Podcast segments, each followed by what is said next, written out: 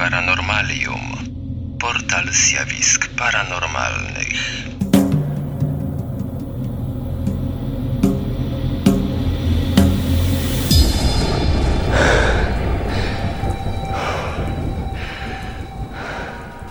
Egzorcyzmuję cię, najbardziej nieczysta duszo. Wszystkie duchy, każdy z was, w imieniu naszego Pana Jezusa Chrystusa wyplenieni bądźcie i usunięci z tego boskiego stworzenia. Odejdź, kusicielu. Pustynia jest twoim domem. Ciało węża twoim mieszkaniem. Bądź poniżony i stracony, bo choć oszukałeś człowieka, nie możesz szydzić z Boga, albowiem On przygotował piekło dla ciebie i twoich aniołów. Amen.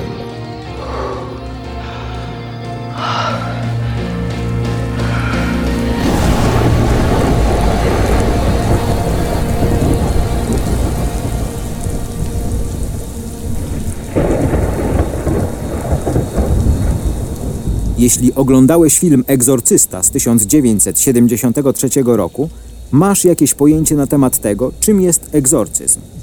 Służy on uwalnianiu osoby od diabelskiego opętania. Zwykle kojarzony jest z wierzeniami rzymskokatolickimi i jak wskazuje film, jest bardzo, bardzo przerażający.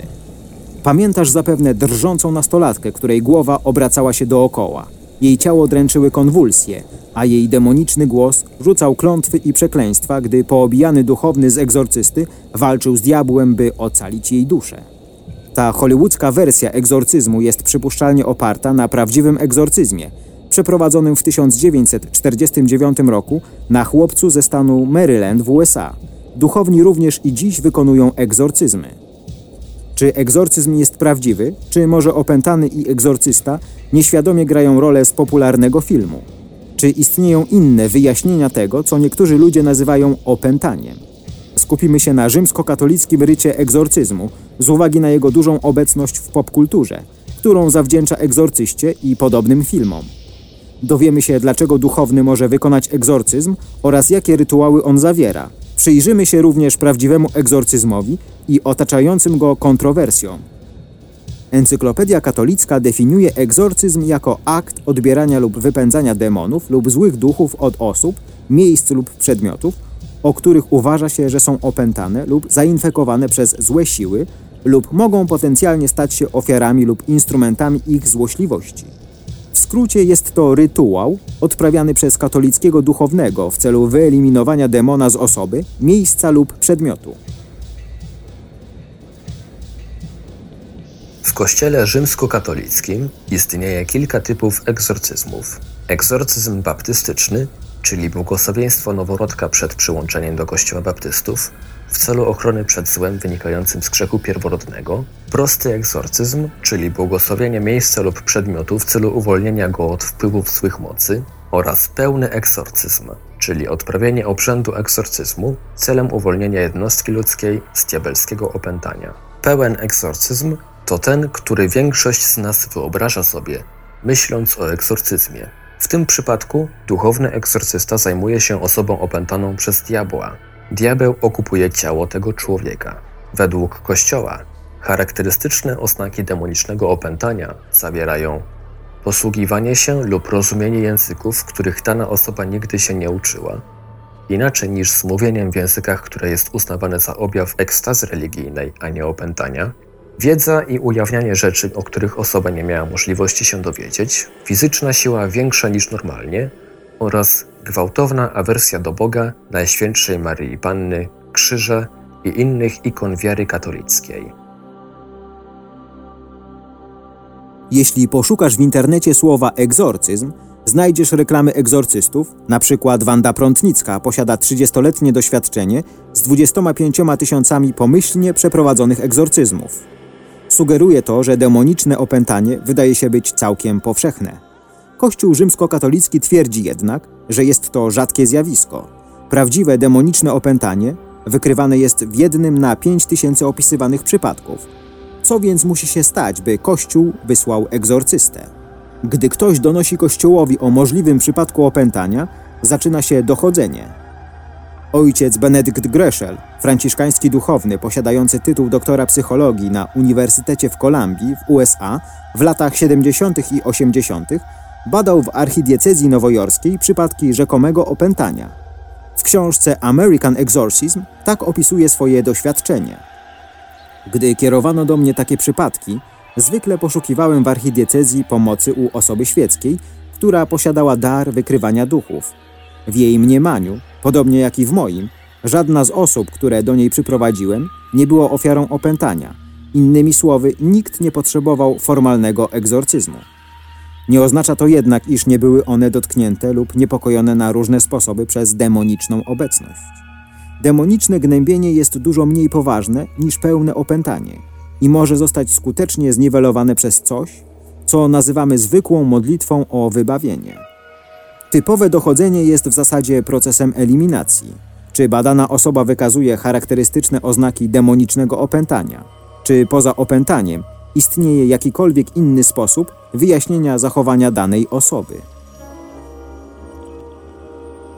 Jeśli Kościół stwierdza, że ma w swoich rękach opętaną jednostkę, czyli taką, która naprawdę potrzebuje egzorcyzmu, następnym krokiem jest wyznaczenie egzorcysty. Często, choć nie zawsze, zostaje nim ten sam duchowny, który prowadził dochodzenie.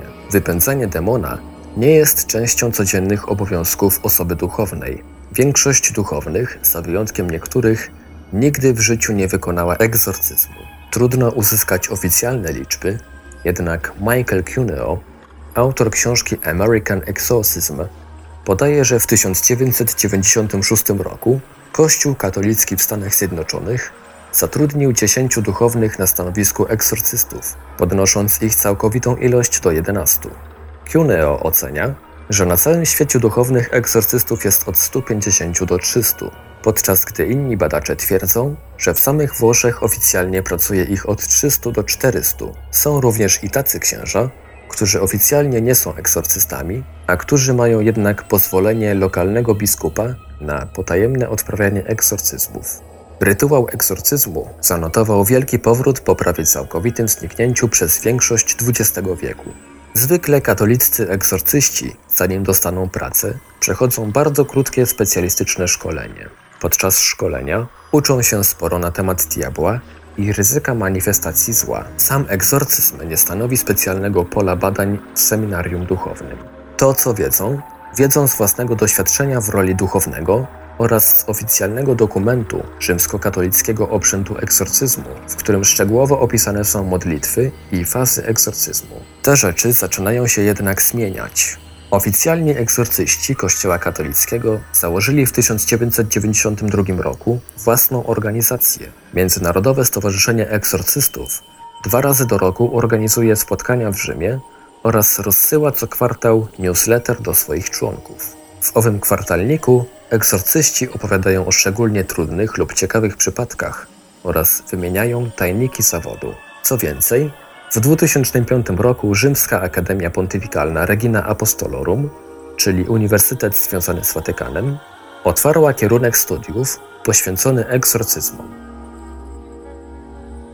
Gdy Kościół wysyła jednego ze swoich oficjalnych egzorcystów w celu odprawienia obrzędu, następnym krokiem jest zmuszenie diabła do opuszczenia ciała egzorcyzmowanej osoby. Styczniu 1991 roku Watykan wydał zmieniony ryt egzorcyzmu na użytek katolickich duchownych. Zalecenia co do przeprowadzenia egzorcyzmu obejmują pojedynczą sekcję w obrządku rzymskim, Rituale Romanum, jedną z książek opisujących oficjalne obrzędy w kościele rzymskokatolickim. Przed rokiem 1999 stosowano oficjalny ryt egzorcyzmu pochodzący z 1614 roku. Aby odprawić rytuał, egzorcysta ubiera swoją komrze i purpurową stułę.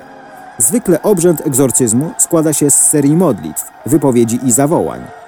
Owe modlitwy są luźno sprowadzone do formuły błagalnej, w której duchowny prosi Boga o uwolnienie osoby egzorcyzmowanej spod wpływu diabła. Boże, któryś jest miłosierny i wybaczający, wysłuchaj modlitwy za swojego sługę spętanego kajdanami grzechu. Niechaj uwolni go Twoja miłość oraz formuły rozkazującej, w której duchowny żąda w imieniu Boga, by diabeł opuścił ludzkie ciało.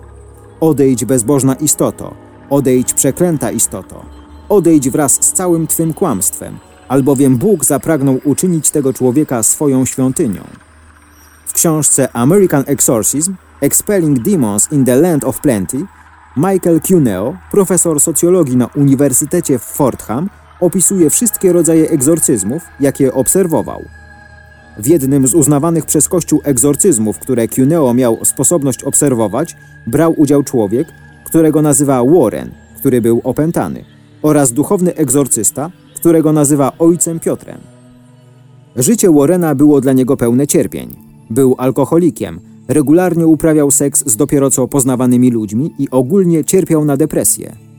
W ostatnim czasie zaczął słyszeć głosy, widzieć rzeczy i czuć nocą nieznośny ucisk w swoim ciele. W skrócie, Warren przechodzi męczarnię. Lokalny pastor skontaktował się z przełożonym ojca Piotra i za zgodą psychologa zorganizował egzorcyzm. Następujące szczegóły prawdziwego oficjalnego egzorcyzmu pochodzą z książki American Exorcism, strony 243-245. Ponieważ Cuneo nie podaje daty, egzorcyzm prawdopodobnie miał miejsce przed wprowadzeniem w 1999 roku zmian do rytu. W piwnicy jednego z domów na środkowym zachodzie USA ojciec Piotr, przyodziany w komrze i purpurową stułę, stoi tuż przed Warrenem, siedzącym na krześle z pochyloną głową i zaciśniętymi rękoma. Cuneo siedzi w oddaleniu. Ojciec Piotr rozpoczyna rytuał. Wszechmogący Boże, przebacz swojemu niegodnemu słudze wszystkie jego grzechy. Daj mi tyle wiary i siły, bym mógł, uzbrojony w Twoją świętą moc, pewnie i bezpiecznie uderzyć w tego złego, okrutnego ducha. Wymawiając te pierwsze słowa, duchowny polewa Warrena, Cuneo i siebie wodą święconą. Ojciec Peter zbliża się do Warrena, czyni znak krzyża i kładzie dłoń na jego czole. Warren siedzi spokojnie, gdy ojciec Piotr recytuje modlitwy z rytuału egzorcyzmu. Ojciec Piotr zwraca się do Chrystusa, Najświętszej Maryi Panny i wszystkich świętych, by pomogli mu w staraniach o uratowanie duszy Warrena. Egzorcyzmuję cię, najbardziej nieczysta duszo, wszystkie duchy, każdy z was. W imieniu naszego Pana Jezusa Chrystusa, wyplenieni bądźcie i usunięci z tego boskiego stworzenia. Warren wciąż milczy. Ojciec Piotr czyni na czole Warrena znak krzyża. Przyciska relikwie do jego piersi i wreszcie kończy egzorcyzm słowami. Odejdź, kusicielu. Pustynia jest twoim domem. Ciało węża jest twoim mieszkaniem. Bądź poniżony i stracony. Choć oszukałeś człowieka, nie możesz szydzić z Boga, albowiem przygotował on piekło dla ciebie i twoich aniołów. Następnie ojciec Piotr wprowadza Warrena w kilka kończących modlitw i dodatkowych odczytów. Pyta Warrena, jak się czuje. Cuneo opisuje jego odpowiedź. Spokojny, rzekł Warren, ale również bardzo zmieszany. Myślał, że czuł, jak coś podczas egzorcyzmu opuszcza jego ciało. Nie był jednak pewien. Nie jest to dokładnie to samo, co w filmowym egzorcyście. Jest to jednak dość trudne do wykonania. Czy Warren był opętany? Czy ojciec Piotr zmusił diabła do opuszczenia jego ciała? Są tacy, którzy wierzą i tacy, którzy nie wierzą. Nikt jednak nie został ranny i może to być tak, że Warren po prostu poczuł się lepiej, przeszedłszy egzorcyzm. Niektórzy mogą się więc zastanawiać, w czym tkwi problem. Bitwa otaczająca egzorcyzmy dotyczy głównie dwóch powiązanych frontów. Wielkie służby egzorcyzmu dla zysku, które powstały w ciągu kilku ostatnich dekad, oraz debata psychologia kontra religia, która rozpoczęła się wraz z powstaniem psychiatrii w XIX wieku. Gdy na obrazie pojawiają się pieniądze, sceptycy zaczynają w pewnym stopniu wygrywać. Powstanie na całym świecie robiących pieniądze służb egzorcyzmujących prowadzi wielu ludzi, którzy w innym wypadku mogliby wstrzymać się z osądem do odrzucenia prawidłowości katolickiego poglądu na opętanie i egzorcyzm, nawet mimo iż egzorcyzmy wykonywane przez tych nieoficjalnych egzorcystów nie są w jakikolwiek sposób powiązane z Kościołem katolickim. Szczególnie popularna służba egzorcyzmująca w USA, Bob Larson Ministries, transmituje swoje konferencje co tydzień w telewizji. W tych masowych egzorcyzmach, na które różne grupy mogą uzyskać bilety ze zniżką rodzinną, pan Larson egzorcyzmuje demony w audytorium pełnym ludzi. Za tego typu usługi dotacje finansowe w cenie biletu nie są wymagane, są jednak mile widziane. Zawsze znajdą się ludzie, którzy będą wskazywać na zysk jako dowód na różne motywy, szczególnie gdy zmieszasz zysk ze zjawiskami paranormalnymi. Tam, gdzie jedna osoba widzi opętanie i sugeruje odprawienie egzorcyzmu, inna widzi chorobę umysłową i wysuwa klasyfikację zaburzeń psychicznych. Jest to prawdopodobnie największa debata otaczająca praktykę egzorcyzmu. Mogą istnieć przyziemne wyjaśnienia dla zachowania, jakie Kościół uznaje za dowód diabolicznego opętania. Kilka chorób psychicznych, w tym syndrom Tureta i schizofrenia, może wywołać pewnego rodzaju efekty obserwowane u opętanych ludzi. Osoby cierpiące na epilepsję dostają nagle konwulsji podczas napadów, syndrom Tureta wywołuje mimowolne ruchy i okrzyki, schizofrenia implikuje halucynacje dźwiękowe i wizualne, paranoję, złudzenia, a czasem również agresywne zachowanie. Problemy psychologiczne takie jak niska samoocena i narcyzm, mogą spowodować, że jednostka będzie się zachowywała jak osoba opętana po to, by zwrócić na siebie uwagę. W przypadku, gdy osoba w rzeczywistości cierpi na chorobę umysłową, Kościół czyni jej krzywdę, plakietkując ją jako opętaną, o ile powstrzymuje to osobę od poszukiwania leczenia medycznego, którego potrzebuje. Tak na ten konflikt odpowiada kardynał Jorge Arturo Medina Esteves, wprowadzając nowy ryt egzorcyzmu w prasie w 1999 roku. Egzorcyzm jest czymś innym i psychoanaliza jest czymś innym. Jeśli egzorcysta ma jakiekolwiek wątpliwości w kwestii zdrowia psychicznego osoby opętanej, powinien skonsultować się z ekspertem. Często zdarza się, że zwykli ludzie mylą problemy somatyczne z wpływem diabolicznym. Nie wszystko jednak można przypisać diabłu.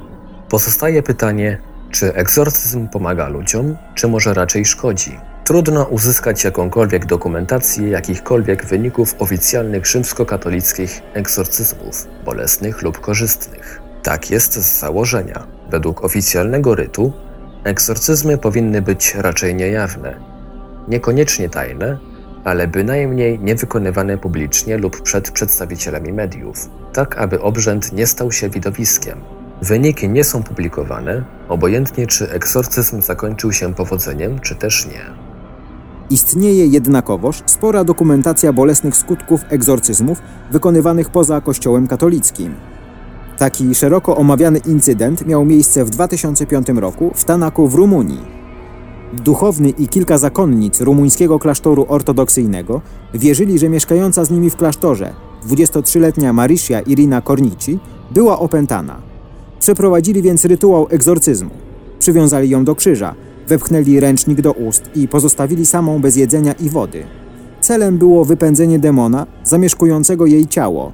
Kornici zmarła po trzech dniach. Oficjele sądzą, że młoda kobieta cierpiała na schizofrenię. Julia Layton, How Stuff Works Com. Tłumaczenie i opracowanie Ivelios. Czytali Ivelios i Hubert Chłopicki.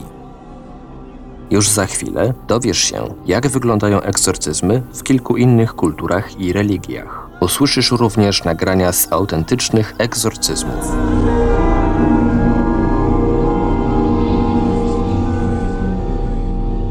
W książce Moich sześciu papieży kardynał Jacques Martin podaje, że sam papież Jan Paweł II przeprowadził egzorcyzm na pewnej kobiecie w 1982 roku. Istnieją również doniesienia, jakoby matka Teresa przeszła egzorcyzm krótko przed swoją śmiercią w 1997 roku, ponieważ arcybiskup Kalkuty sądził, że została zaatakowana przez diabła. Opętanie i egzorcyzmy mają swoje korzenie w czasach starożytnych i prawdopodobnie pojawiły się wraz z szamańskimi wierzeniami, że duchy zmarłych mogą uczynić szkodę żywym. Szamani wpadali w trans, by odnaleźć czyniącą problemy duszę i odkryć sposób na zlikwidowanie bólu u ofiary. W starożytnych kulturach Egiptu i Babilonii choroby i inne dolegliwości regularnie przypisywano złym duchom, które nawiedzały ludzkie ciało, a kapłani uzdrowiciele przeprowadzali zawiłe ceremonie, by zmusić złe duchy do wyjścia. Egzorcyzm nie jest jedynie elementem rzymskiego katolicyzmu. Inne sekty chrześcijańskie, inne religie i kultury na całym świecie mają swoje własne sposoby odpędzania diabła. Oto kilka przykładów. W judaizmie folklor żydowski i nauki kabalistyczne opowiadają o wrogim duchu nazywanym dybukiem. Duch ten jest duszą zmarłej osoby, która powróciła, by dokończyć niezałatwione sprawy i zamieszkuje ciało żywej osoby, by wykonać swoje cele. Gdy Bóg może zostać odpędzony dzięki rytuałowi egzorcyzmu, wówczas opuszcza ciało poprzez palec. Egzorcyzmujący rabini często wspomagają się grą na instrumentach muzycznych. El לא בגופה ולא ברוחה ולא בנשמתה אתה תצא מהאצבע הקטנה של הרגל בלי להזיק לאף אחד מהנוכחים כאן ונאמר מיאל W islamie wiara muzułmańska mówi o dżinnie, złym duchu i słudze szatana, który może nawiedzić ludzkie ciało i wywołać chorobę, ból, szaleństwo lub złe myśli. Dżina można z ciała opętanej osoby odpędzić, recytując wybrane fragmenty Koranu.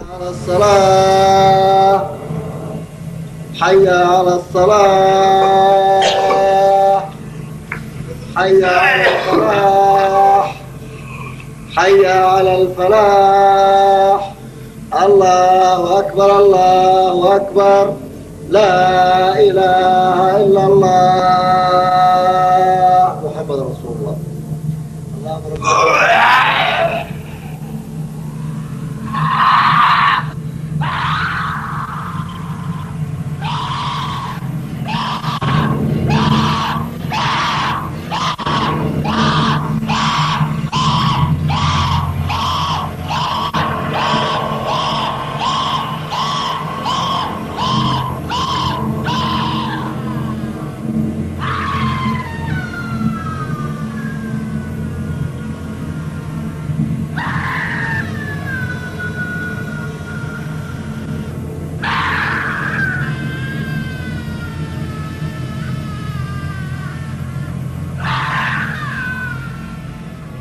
Hinduizmie pisma wedyjskie mówią o złym duchu, który nie tylko może ranić ludzi, ale również stawać na drodze woli bogów.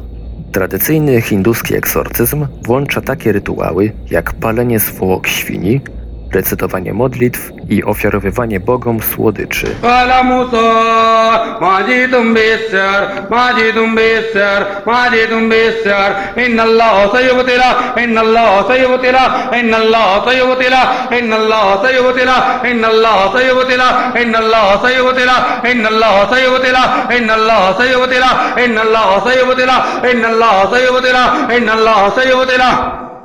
तुम्हारा तड़वा दो। चलो जल्दी आओ। जल्दी जल्दी।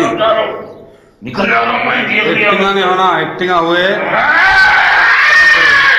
खत्म। खत्म कर दो। खत्म कर दो। हाँ।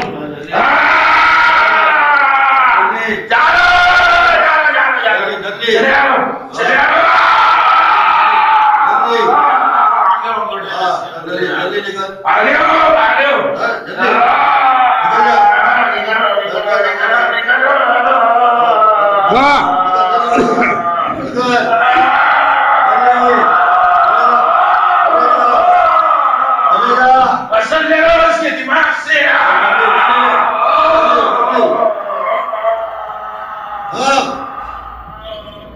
Kościele prawosławnym egzorcystą zostaje ten, kto się do tego poczuwa, by wykonywać egzorcyzmy. Dlatego też egzorcyzmowanie jest uważane jako osobiste uprawnienie i charyzmat. Jednak w rzeczywistości to mnisi są tymi, którzy egzorcyzmują. W świecie prawosławnym ten, kto potrzebuje egzorcyzmów, zwraca się do klasztoru. Osoba potrzebująca pomocy idzie do klasztoru, prosi o egzorcyzm, egzorcysta przychodzi i odmawia odpowiednie modlitwy. Czasami szczególnie w rosyjskim kościele prawosławnym, starzają się eksorcyzmy zbiorowe.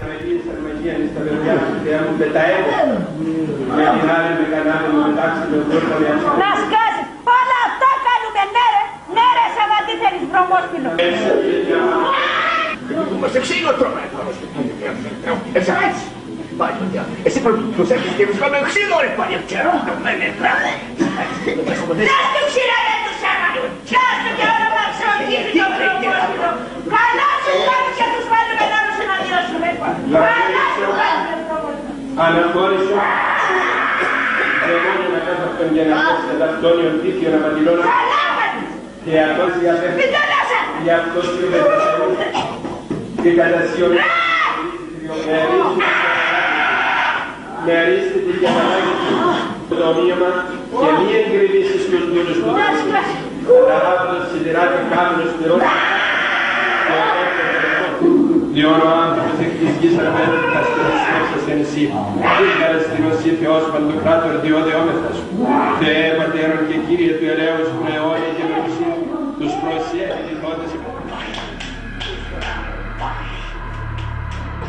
Paranormalium na Facebooku facebook.com ukośnik paranormalium Polecajcie Paranormalium swoim znajomym. Polecajcie nas gdzie się da. Na forach, na profilach, gdziekolwiek.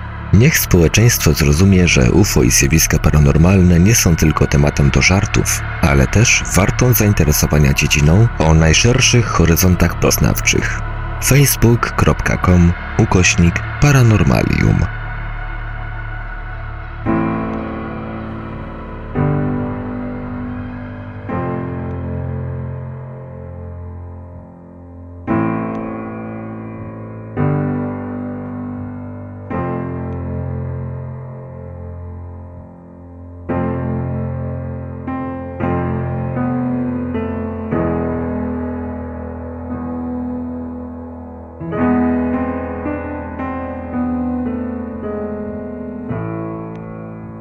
Jest ranek 1 lipca 1976 roku. Piękna czarnowłosa dziewczyna zostaje znaleziona w swoim łóżku martwa. Jej zmaltretowane ciało, powybijane zęby i poraniona twarz świadczą o tym, że wcześniej bardzo cierpiała.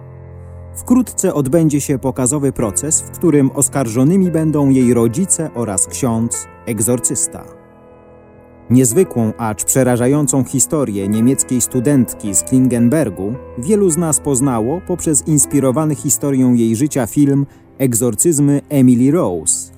Anneliese Michel, bo tak brzmiało jej prawdziwe imię, za życia przebyła wiele egzorcyzmów, po śmierci zaś wielu uznaje ją za świętą. Anneliese urodziła się w 1952 roku w bardzo religijnej rodzinie.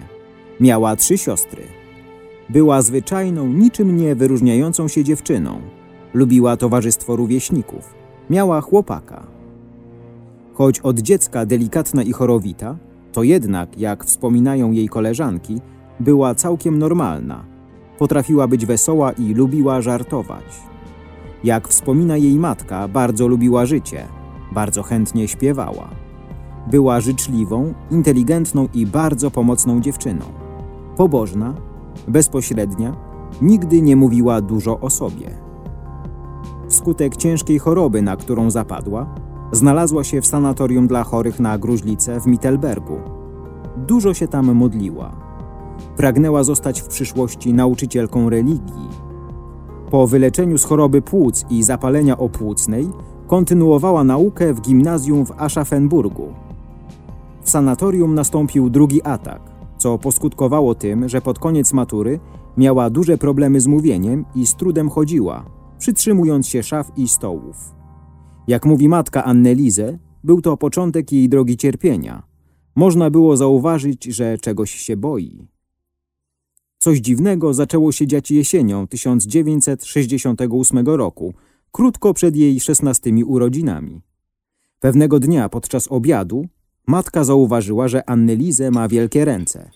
Zrobiły się nagle ogromne.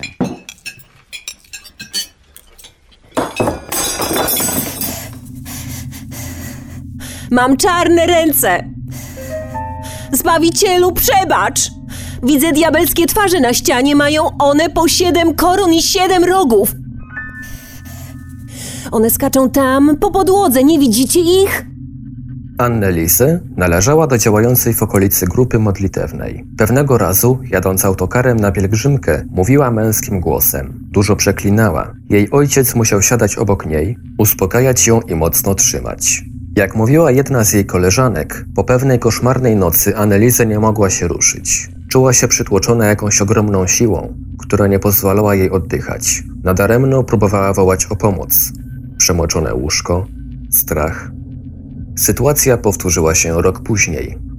Wizyty lekarskie i badania EEG nie wykazały żadnych problemów.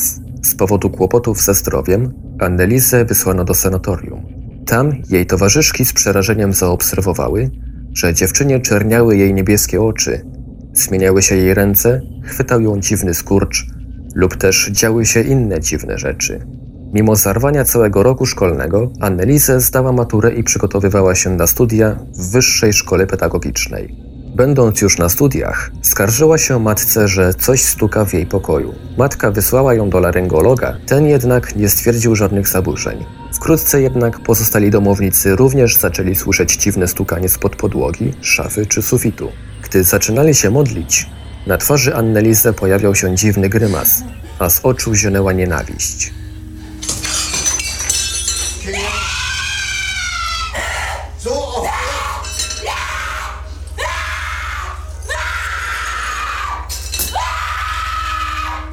Wspólne modlitwy z rodziną, częsta Eucharystia i wieczorny różaniec przynosiły Annelize coraz mniejszą ulgę.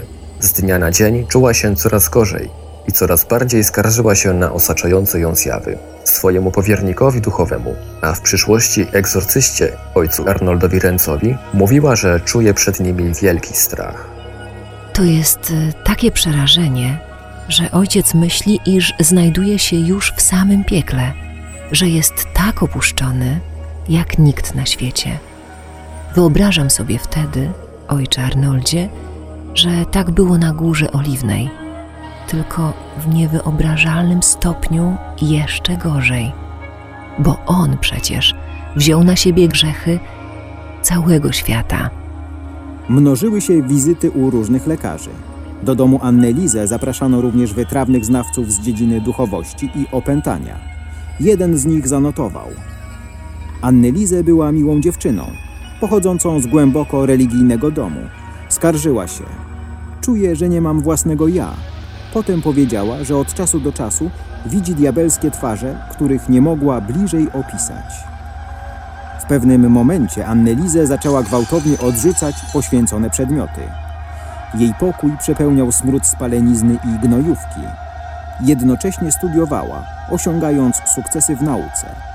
Była wesoła, nie unikała towarzystwa, zachowywała się jak normalna, zakochana nastolatka. Choć miała chłopaka, Piotra, i bynajmniej go nie unikała, to jednak czuła, że z uwagi na swoje osobliwe dolegliwości nie powinna się angażować w głębszą relację z nim.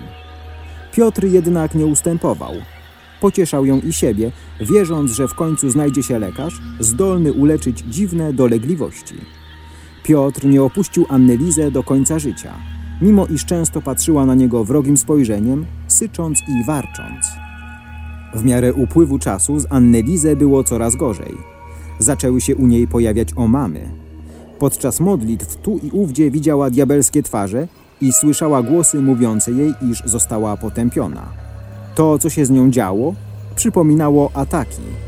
Dziewczyna prawie w ogóle nie spała, a kiedy już położyła się do łóżka, wyglądała jak nieżywa. Często zdarzało się, że jeśli w ogóle zasnęła, już po dwóch godzinach była na nowo pobudzona. Była niesamowicie silna, do tego stopnia, że gdy siostra próbowała ją złapać, Annelizę chwyciła ją i z całej mocy cisnęła o podłogę jak szmacianą lalkę. Jej chłopak Piotr wspominał, że widział pewnego razu, jak Annelizę zgniotła jabłko jedną ręką. Annelizę potrafiła godzinami skakać po ścianach, biegać po schodach, spijać z podłogi własny mocz, wkładać głowę do muszli klozetowej, tarzać się nago w żwirze lub moczyć w wodzie, próbując ugasić gorączkę rozpalającą jej ciało. Traciła zęby drapiąc i gryząc ściany. Jadła muchy i pająki, żuła węgiel. Przeklinała w obecności duchownych oraz odgryzała głowy martwym ptakom. Zdarzało jej się również przez dwa dni szczekać i wyć jak pies. Mięśnie jej szyi i klatki piersiowej były tak napięte, że nie potrafiła pić ani oddychać. Jak wspomina jej matka, diabeł potrafił rzucać nią o ziemię na brzuch, na plecy całymi godzinami. Ciągle upadała na głowę. Ciało Annelize nieustannie pokryte było siniakami i bliznami. Głowa była prawie czarna, a oczy zapuchnięte i niewidoczne. Matka rozkładała na ziemi kołdry i poduszki, ale diabeł był złośliwy i rzucał Annelizę obok, tak że znowu upadała na podłogę. Nagle jednak Annelizę stawała się spokojna, wracała do równowagi, modliła się, uczyła, grała na fortepianie. Zawsze się modliła zdrowaś Mario. Zdrowaś Mario. Przy każdej modlitwie diabeł znowu rzucał nią o ziemię.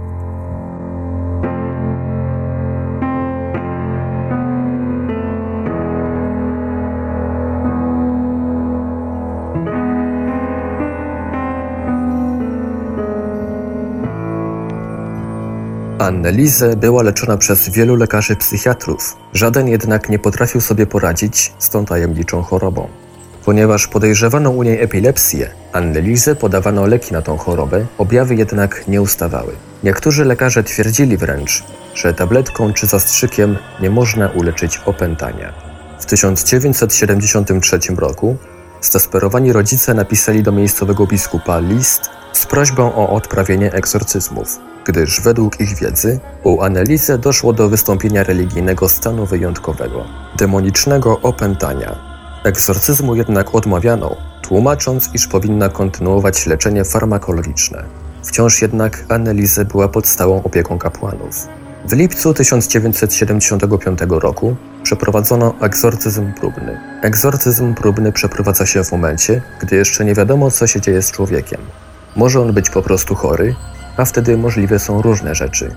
Egzorcyzm próbny polega na tym, że egzorcysta nie porusza ustami, w ogóle nie wydaje żadnych dźwięków, ani nie wykonuje gestów, a jedynie wydaje demonowi duchowy rozkaz brzmiący odstąp od tego człowieka, powiedz kim jesteś. Gdy ksiądz Ernst Alt wydał ten rozkaz, Annelize natychmiast zareagowała. Odezwały się w niej demony. Tak nie reaguje żaden epileptyk. Nagle zerwała się, zaczęła szaleć i z wrzaskiem rozerwała różaniec. Nie była też w stanie się modlić. Dopiero jesienią 1975 roku biskup Würzburga, Józef Stangl, udzielił nie tylko oficjalnej zgody, ale wręcz polecenia na odprawienie pełnych egzorcyzmów. Egzorcyzmy przeprowadzało dwóch księży, proboszcz Ernst Alt oraz salwatorianin Arnold Renz. Większość egzorcyzmów zarejestrowano na 52 taśmach magnetofonowych. Wszystkich nagrań dokonano za zgodą Annelise, która powiedziała, że wypowiedzi demonów powinien wysłuchać biskup i że powinno się to rozgłaszać na całym świecie. Egzorcystów wspierał radą ojciec Adolf Rodewik. Łącznie na Annelise Michel przeprowadzono 67 egzorcyzmów. Gdy egzorcyści zebrali się w Klingenbergu, ojciec Renz odmówił egzorcyzm według rytuału rzymskiego. Demony natychmiast zaczęły mówić.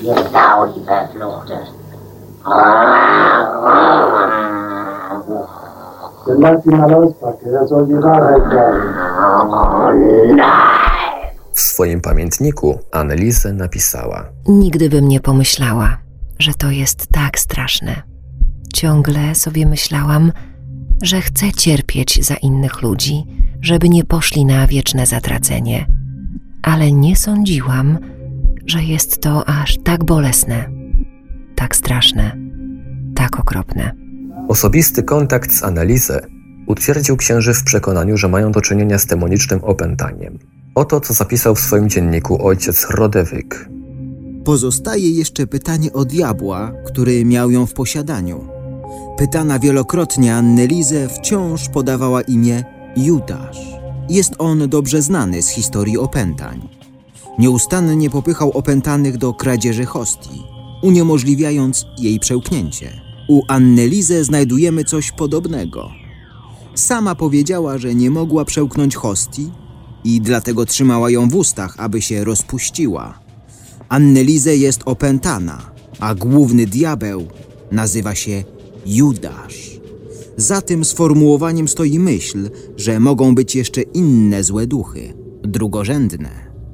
Gdy doszło w końcu do egzorcyzmów, obawy ojca Ręca potwierdziły się. Demony nękane modlitwą zaczęły dawać o sobie znać. Gdy do domu mieli przyjechać egzorcyści, działy się dziwne rzeczy. Pewnego razu podczas obiadu spod Annelizę wysunęło się krzesło, a ona sama podskoczyła wysoko ponad nie.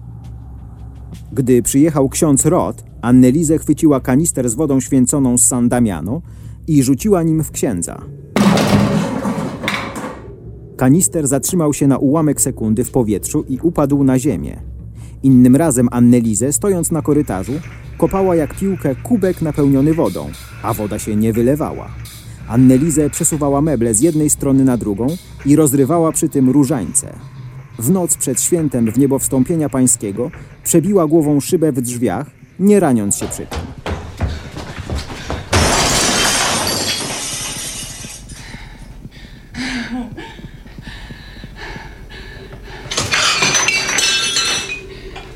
Innym razem, w noc przed świętem wniebowzięcia Najświętszej Maryi Panny, modliła się aż do rana. Wierzę w Boga Ojca Wszechmogącego, Stworzyciela nieba i ziemi. Gdy w domu pojawiła się pani Heine, Annelize powitała ją tymi słowami. Ja jestem Annelise. Chwycę cię za szyję i będę szarpać. Po czym spoliczkowała ją. Gdy w odwiedziny przychodził chłopak Annelize, Piotr, ta prawie nie mogła mówić. Cały czas szalała. Była w stanie wydusić z siebie jedynie. Mam takie skamieniałe serce. Pewnego razu Piotr zabrał Annelizę na wycieczkę. Na polnej drodze wysiedli z samochodu i kawałek przeszli pieszo, idąc do parku. Annelizę źle się czuła. W pewnym momencie dziewczynie ukazała się Matka Boża i towarzyszyła jej kawałek drogi. Szły jedna koło drugiej. Matka Boża powiedziała: Jest wielkim cierpieniem mojego serca, że w tym czasie bardzo wiele dusz trafia do piekła. Trzeba czynić pokutę za księży, za młodzież i za Twoją ojczyznę. Czy chciałabyś podjąć pokutę za te dusze, aby tak wielu ludzi nie ginęło w piekle? Czy chcesz czynić pokutę za te dusze, które inaczej będą potępione na wieczność? Był przy tym Piotr, ale on Matki Bożej nie widział.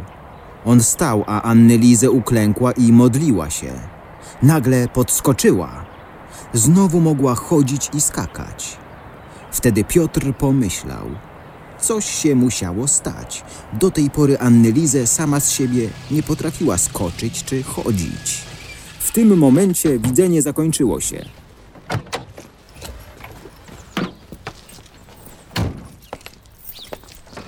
Gdy wrócili do domu, Annelize przybiegła radośnie i powiedziała: Mamo, mamo, popatrz na mnie. Znów mogę chodzić i skakać, podskakiwać, tańczyć.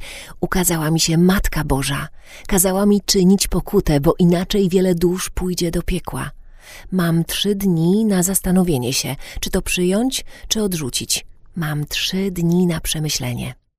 Gdy matka zapytała, gdzie jest Piotr, odpowiedziała: Piotr siedzi na dole w samochodzie i płacze. Piotr był tym wszystkim tak dotknięty, że nie mógł powstrzymać łez. Nie mógł tego pojąć.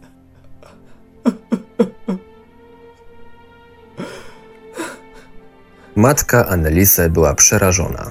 To straszne pokutować za tak wiele dusz, pomyślała, po czym pobiegła do męża, by mu opowiedzieć o tym, co się stało. Ojciec Annelise powiedział: Boże jedyny, czy ona zwariowała? To nie do pomyślenia. Matka wróciła potem do Annelise i próbowała ją przekonać do odrzucenia pokuty. Annelise odpowiedziała: Jeśli ja nie zrobię tego teraz, co powiedziała mi Matka Boża, to będę winna tego, że tak wiele dusz pójdzie do piekła i będą na wieczność potępione. Wtedy i ja będę winna. Ojciec Renz pisał dalej. Najmocniej Annelize lub demony reagują na wodę święconą. Opętana zaczyna wyć i miotać się. Trzymają ją trzej mężczyźni. Pan Hein, Piotr i ojciec. Annelize próbuje gryźć na lewo i na prawo. Kopie nogą w moim kierunku. Od czasu do czasu wyje, szczególnie przy wodzie święconej. Czasami skomli jak pies. Powtarza koniec z tym gównem. Ty księże zasrańcu, ty brudna świnio. Doświadczeni egzorcyści wiedzą, że znajomość imion demonów oraz ich liczby daje nad nimi większą władzę podczas odprawiania egzorcyzmów. Duchowni ustalili, że w przypadku Annelise Michel demonów było sześć: Lucyfer, Judasz, Kain, Neron, Hitler i upadły ksiądz Fleischmann. Za każdym razem, gdy egzorcysta w imieniu Jezusa Chrystusa nakazywał demonom opuścić ciało dziewczyny, rozlegały się nieopisane krzyki i warczenia.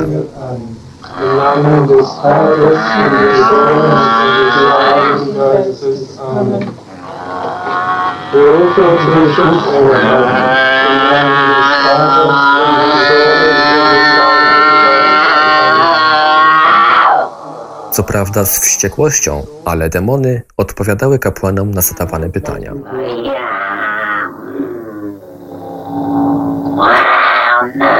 Alle Dinge müssen sich beugen, derer die im Himmel, auf der Erde und unter der Erde von unten was babbeln.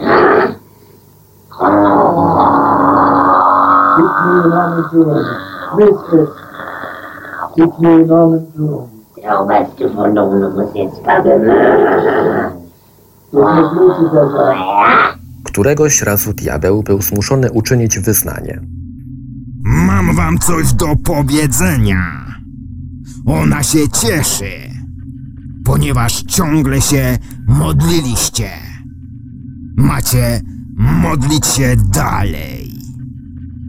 Egzorcyści zorientowali się, że poprzez krzyk demonów Matka Boża dawała znać, że jest obecna i panuje nad sytuacją.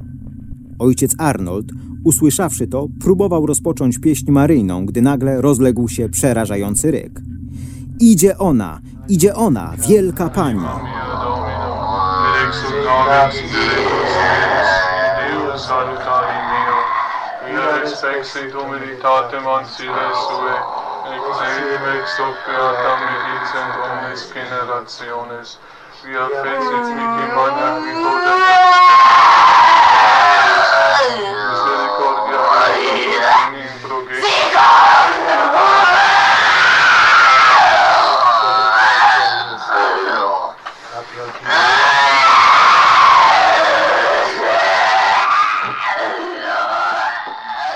Demony zaczęły wychodzić jeden po drugim. Jestem przeklęty, bo ja.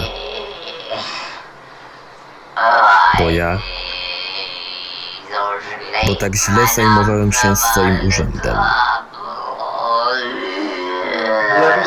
Kto ty jesteś? Judasz? Nie. Fleischmann? Tak. Muszę teraz wyjść. Do piekła? Tak. Wiesz, co jeszcze masz powiedzieć? Tak.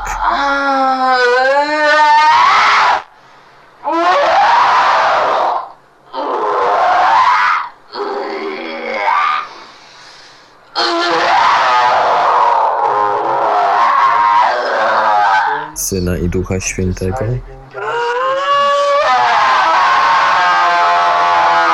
Trójjedynego Boga i Ducha Świętego?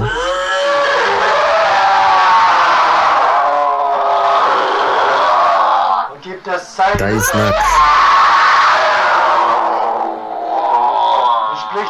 Mam otrzymać znak Twojego wyjścia.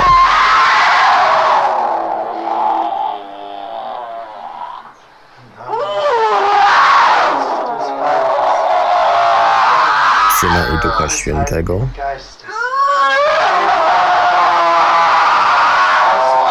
Znak Twojego wyjścia. Zdrowaś. Maryjo. Brakuje jeszcze czegoś.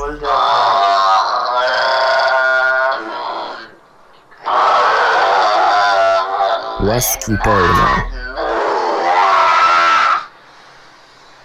Das das einer ist. To był znak, że jeden wyszedł. Powiedział zdrowaś Mario łaski pełna. To był umówiony znak. Tak więc Fleischmann wyszedł. Teraz następny. Kto jest następny? Następny jest Kain czy Neron? Następny jest Kain. W imieniu trójjedynego Boga Ojca i Syna i Ducha Świętego Ja jestem Kain. W imię trójjedynego Boga zabiłem mojego brata.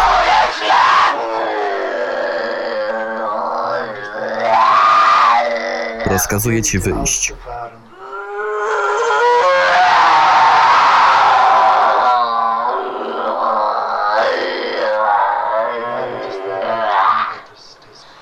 W imię trójjedynego Boga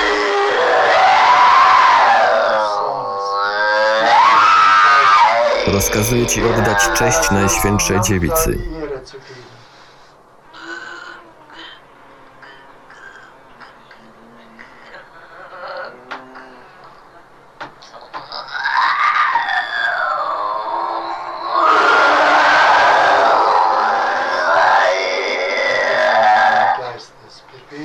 Rozkazuję ci oddać cześć Matce Bożej.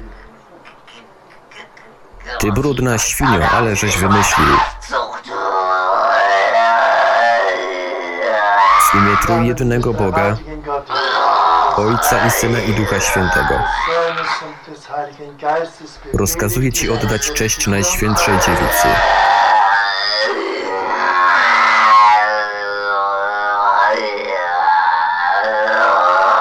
W imię Trójjedynego Boga Ojca,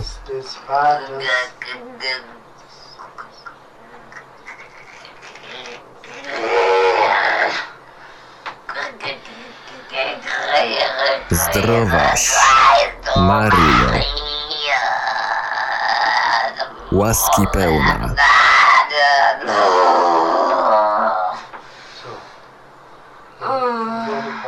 Najtrudniej było z Lucyferem.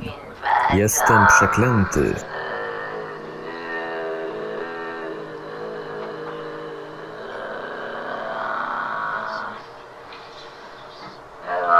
Bo nie chciałem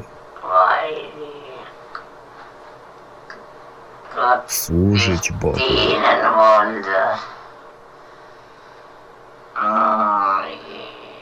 Chciałem sam panować. Chociaż byłem tylko stworzeniem.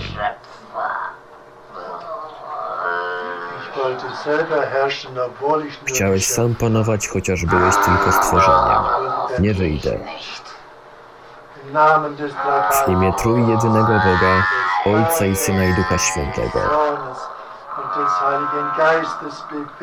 Rozkazuję Ci wyjść i oddać cześć Najświętszej Dziewicy. W imię Najświętszej Dziewicy i w imię Jezusa. Rozkazuję Ci wyjść. Ja nie chcę wyjść. W imię Trójjedynego Boga, Ojca i Syna i Ducha Świętego. Rozkazuję Ci wyjść i oddać cześć Najświętszej Dziewicy. Nie. Nie chciałeś poddać się niebu, ale musiałeś. Teraz też musisz się poddać. Trójjedynemu Bogu, Najświętszej Dziewicy, świętym aniołom i Michałowi Archaniołowi. Ugnij się. W imię Trójjedynego Boga, w imię Trójjedynego Boga, Ojca i Syna i Ducha Świętego. Rozkazuję Ci wyjść. Wyjść i nigdy więcej nie wracać. I oddać cześć Najświętszej Dziewicy. Zdrowaś Maryjo, łaski pełna.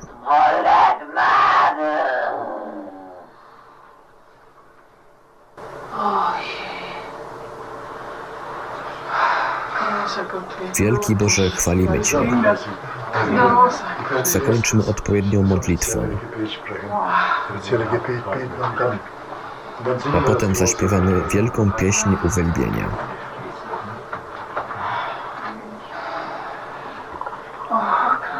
O wielki Boże. O tak.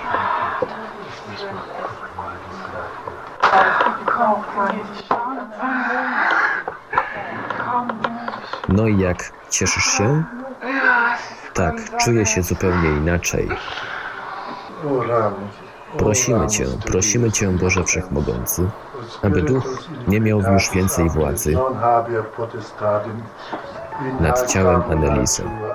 Ojciec Renz szukał modlitwy końcowej, by zapieczętować egzorcyzm. Pojawiły się jednak problemy.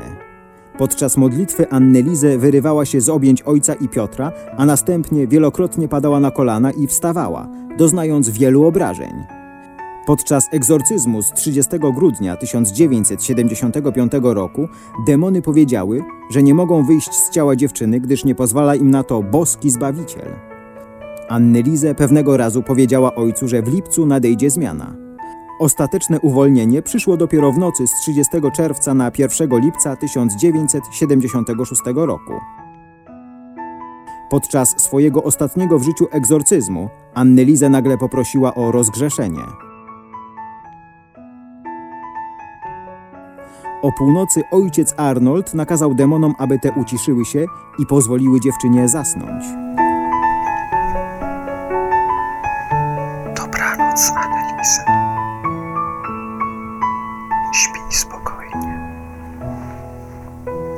Anneliese położyła się na łóżku i spokojnie zasnęła. Nie obudziła się już. Umarła z wycieńczenia. Przybyły na miejsce lekarz rodzinny stwierdził, że nie jest w stanie ustalić przyczyny śmierci. Wkrótce potem rozpoczął się proces karny. Według wyroku sądowego Anneliza została zagłodzona. Obrona podnosiła jednak, że na zwłokach dziewczyny nie stwierdzono żadnych symptomów charakterystycznych dla zagłodzenia. Rodziców dziewczyny oraz dwóch duchownych egzorcystów uznano winnymi nieumyślnego spowodowania śmierci poprzez, cytuję, doprowadzenie do śmierci dziewczyny wskutek niedbalstwa i skazano na 6 miesięcy więzienia w zawieszeniu na 3 lata. Jak wykazał później w swoim dochodzeniu szwajcarski uczony dr Theo Weber-Arma, podczas procesu przemilczano wiele faktów. Annelise Michel trzykrotnie przechodziła badanie EEG i każdorazowo wykluczano u niej występowanie epilepsji. Mimo to przez szereg lat podawano jej leki na tę chorobę, m.in. Zentropil i Tegretol. Środki te wykazują rujnujące organizm skutki uboczne. Wysokie stężenie tych preparatów i ich długotrwałe stosowanie musiało w końcu doprowadzić do wyniszczenia organizmu i śmierci Annelizy. Lekarze, którzy postawili błędną diagnozę i nieprawidłowo leczyli dziewczynę, nigdy nie zostali pociągnięci do odpowiedzialności. Spośród 52 taśm nagranych podczas egzorcyzmów, żadnej z nich nie dopuszczono jako dowód w procesie. Analizując pewne fakty, ksiądz Alt doszedł do wniosku, że u Annelize doszło do opętania ekspiacyjnego. Sprawa Annelize Michel jest jedynym znanym w kościele katolickim przypadkiem takiego opętania. Opętanie ekspiacyjne, czyli cierpienie za grzechy cudze zamiast własnych, dopuszczone jest jako doświadczenie Boże. Zmaganie się z siłami zła oraz wynikające z tego cierpienia i upokorzenia pomagają innym ludziom na świecie osiągnąć zbawienie. Często opętany na takie cierpienie się zgadza. Tak też było w przypadku Annelize Michel. Przypadek Annelize Michel oraz wydźwięk procesu, jaki odbył się po jej śmierci, spowodował nałożenie w Niemczech powstanie nieformalnego zakazu wykonywania egzorcyzmów. Obecnie w Niemczech nie ma ani jednego oficjalnego księdza egzorcysty, natomiast zainteresowanie magią i okultyzmem w różnych postaciach staje się tam prawie powszechne. Często zdarza się, że opuszczone budynki kościelne stają się miejscem spotkań grup satanistycznych. Stąd, jak sądzą niektórzy, w Niemczech coraz częściej może dochodzić do opętań, a ich ofiary zwykle są pozostawione same sobie i nie otrzymują żadnej pomocy. Niezwykle trudnemu powołaniu, jakie przyjęła Annelize Michel, towarzyszyły również szczególne łaski, jakie otrzymywała od Zbawiciela. Były to pouczenia służące lepszemu odróżnieniu słów Jezusa od sugestii szatana, które Annelize przekazywała następnie swojemu duchowemu kierownikowi. Wraz z upływem czasu na ciele dziewczyny pojawiły się niegojące się rany. Rzecz znamienna, że pojawiły się w miejscach odpowiadających ranom na ciele Jezusa Chrystusa. Mogą więc być uznane za stygmaty. W swoim pamiętniku pod datą 24 października 1975 roku Annelise napisała Zbawiciel powiedział, będziesz wiele cierpieć w zastępstwie innych i znosić cierpienia już teraz. Twoje cierpienie, Twój smutek i opuszczenie służą mi do tego, by zbawiać duszę.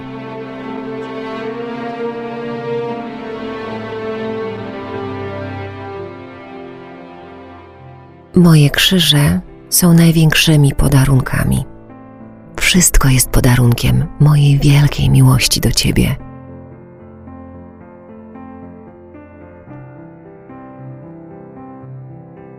W jej pamiętniku znajdziemy również niezwykły, wzruszający dialog. Musisz jeszcze coś zapisać. Co takiego? Zostaniesz wielką świętą. Zbawiciel żąda ode mnie posłuszeństwa, dlatego to zapisuję. Zbawiciel powiedział: Zostaniesz wielką świętą. Nie chciałam nadal w to wierzyć. Wtedy Zbawiciel dał mi znak, że dobrze słyszałam. Łzy płaczu.